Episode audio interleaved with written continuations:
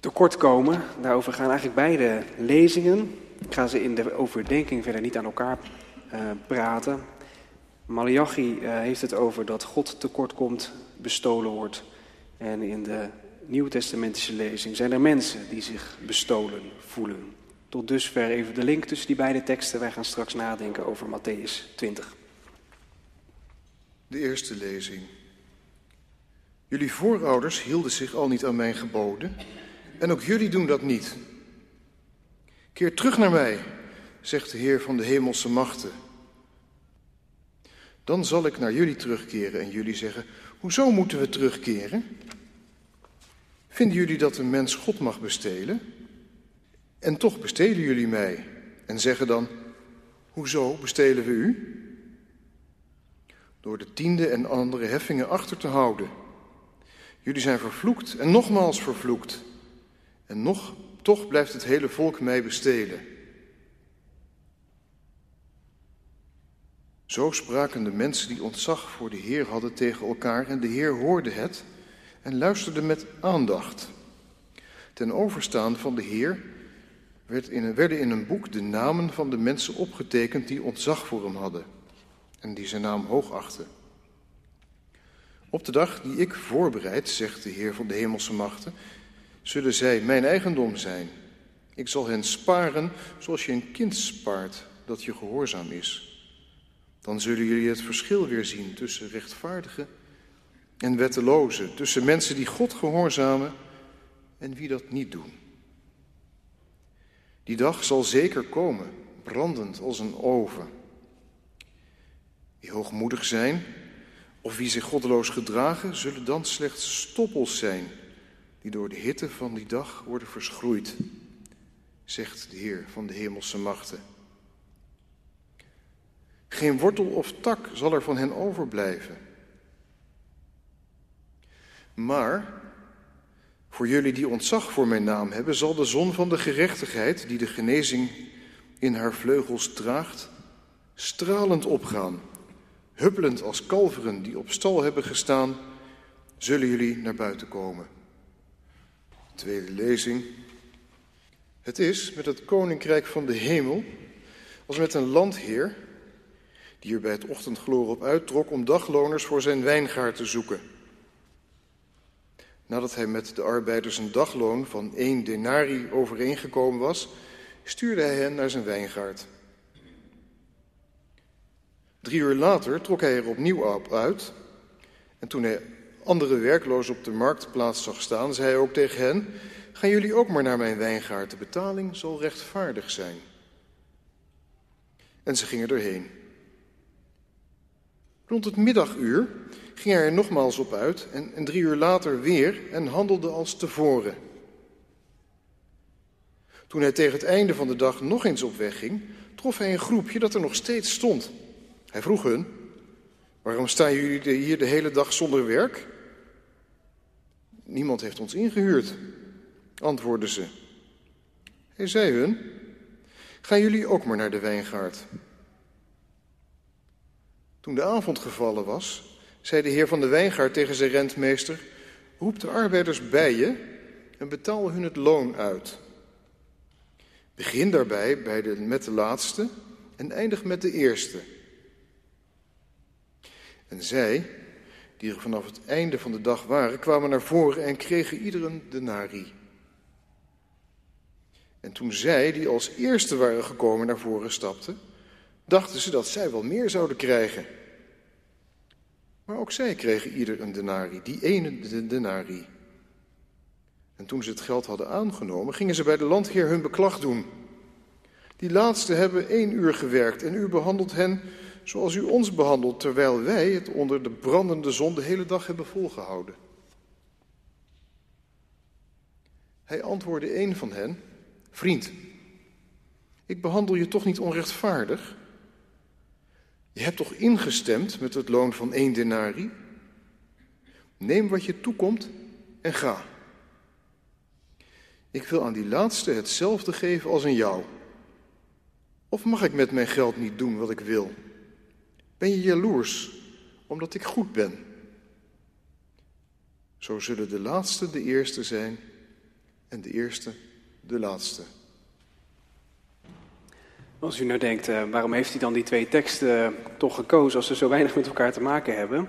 Nou, dat staat er op het rooster, dat volgen we in de versverdiensten. Dus dat is, uh, ik nog even te zeggen. Matthäus 20 dus. Daar gaan we over nadenken. Gemeente van Jezus Christus, broeders en zusters. Ik begin vanavond met een stukje van columnist Marian Donner uit De Groene. Ze schrijft als de afgelopen 500 jaar, sinds 1523 na Christus, als er sindsdien iedere dag 1 miljoen dollar op een rekening was gestort, iedere dag, dan zou daar nu nog steeds minder geld op staan dan Elon Musk bezit. Met een persoonlijk vermogen van 256,5 miljard dollar is Musk momenteel de rijkste man ter wereld. En misschien komt het wel doordat het menselijk brein het verschil tussen een miljoen en een miljard niet goed kan bevatten. En is er daarom relatief weinig ophef over deze extreme vorm van rijkdom. Het scheelt met drie nullen, klinkt ongeveer hetzelfde en miljardairs werken vast hard, dan mogen ze toch ook wat verdienen. Nou, nog maar een vergelijking dan. Een miljoen seconden is bijna 12 dagen. Een miljard seconden bijna 32 jaar. En een triljoen seconden is meer dan 31.000 jaar. En de verwachting is dat Musk binnen vijf jaar triljonair zal zijn. Einde citaat.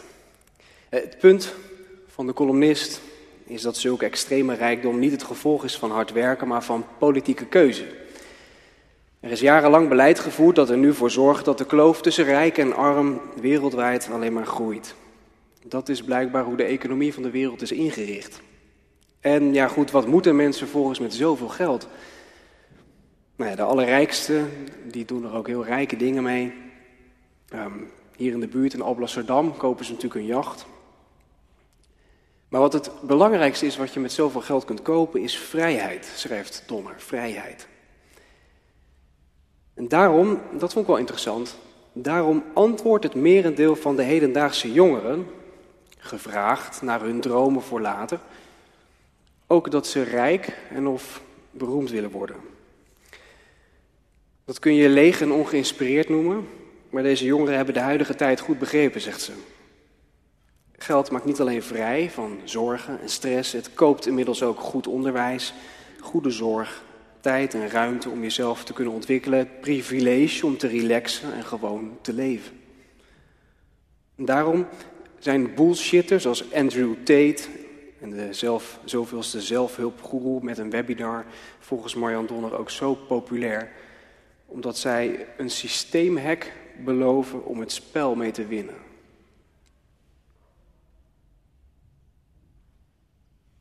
Jezus vertelt een gelijkenis waarin hij ons iets uitlegt over de economie van het koninkrijk van de hemel. Er was eens een landheer die met het ochtendgloren, zeg zes uur ochtends, erop uittrok om dagloners voor zijn wijngaard te zoeken. En nadat hij die gevonden heeft en met hen het dagloon is overeengekomen, stuurt hij ze naar zijn wijngaard. Dit herhaalt zich een aantal keer. Om negen uur ochtends gaat de landheer nog een keer op de markt kijken. En dan om twaalf uur nog een keer. En dan om drie uur middags nog eens. En tenslotte vindt hij om vijf uur middags, als bijna al het werk al gedaan is, nog steeds een handjevol mensen dat niets te doen heeft. Matthäus gebruikt een woordje dat nutteloos betekent. Ze hebben geen doel en hangen maar wat rond. Maar ook zij mogen op de wijngaard komen werken. Het laatste uurtje dan. Heel vreemd is het natuurlijk dat wanneer het moment van de uitbetaling van die dag is aangebroken, zij als eerste uitbetaald krijgen. Zij gaan voorop. Ze krijgen het loon voor één dag. Wat is afgesproken met de werkers van het eerste uur. Als die werkers van het eerste uur dat zien, gaan zij er inmiddels van uit dat zij wel meer zullen ontvangen dan wat ze hebben afgesproken. Maar het blijkt dat ook zij het loon voor één dag werken krijgen. Als ze hun denarii hebben ontvangen, gaan ze hun beklag daarom doen bij de landheer. U behandelt die laatste zoals u ons behandelt, zeggen ze. Terwijl wij de last van de dag en de last van de hitte hebben gedragen. Ze voelen zich te goed om hetzelfde te ontvangen als die werkers die maar een uurtje werkten. En ik denk dat wij hen begrijpen. Prachtig is het antwoord van de landheer. Beste man, ik behandel je toch niet onrechtvaardig? Je hebt toch ingestemd met het loon van één denari? Neem dan aan wat je toekomt en ga. Ik wil aan die laatste nu eenmaal hetzelfde betalen als aan jou. Of mag ik niet doen met mijn geld wat ik wil? Zet het kwaad bloed dat ik goed ben?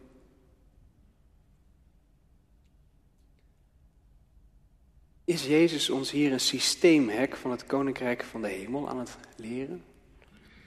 Dat je in Gods werkelijkheid even goed om 12 uur s middags uit je bed kunt komen, tot 1 uur de tijd neemt voor je lunch, daarna eerst een uurtje lunchwandeling, dan middagdutje, vervolgens langs de markt, een paar bakjes thee en dan aan het einde van de dag nog even een uurtje werken als al het werk al gedaan is. Het zou een systeemhek zijn. Want in de gelijkenis van Jezus verdienen de werkers die maar één uurtje hebben gewerkt precies hetzelfde als de werkers die zich de hele dag hebben uitgesloofd. En dat had dus allemaal niet gehoeven, die hele dag de hitte en de last van de dag dragen. Blijkbaar kun je ook alleen het laatste uurtje meepakken. Nou, is dat wat Jezus aan het doen is? Ons een trucje leren om het spel makkelijk te winnen. Hoe je met de minste effort het meeste bij God in de wacht sleept. Nee, dat is natuurlijk niet wat Jezus doet. Jezus probeert ons iets, iets te leren over de werkelijkheid van God. De gelijkenissen van Jezus die zijn altijd eigenlijk heel normaal. Alledaagse taferelen, niks geks. Maar dan op één enkel puntje wijken ze heel erg af van wat wij gewend zijn of van wat wij verwachten. En dat is altijd precies het punt in de gelijkenis waarin iets zichtbaar wordt van hoe God verschilt van mensen. In onze gelijkenis is dat natuurlijk hoe de werkers van het laatste uur worden behandeld. Wij zouden veel minder aan hen geven. Dat is wat wij eerlijk vinden. Je krijgt wat je verdient. Maar in het koninkrijk van God werkt het anders. Daar krijg je niet wat je verdient, maar wat je nodig hebt. Ook mensen met afstand tot de arbeidsmarkt moeten in de gelijkenis van die dag toch een dag leven. Moeten zij soms niet eten en drinken en voor hun gezinnen zorgen? De landheer wil ook voor hen goed zijn. En ze krijgen het volledige dagloon. In Gods financiële huishouding worden alle werkers gelijk getrokken. Dat is denk ik het punt vanavond. In Gods werkelijkheid zit iets nivellerends. We worden allemaal gelijk getrokken. Het koninkrijk van God is niet iets wat je kunt winnen of met een slimme truc, een hek kunt bemachtigen. Het is zelfs niet iets wat je kunt verdienen. Je ontvangt het uit genade. Hoe dan?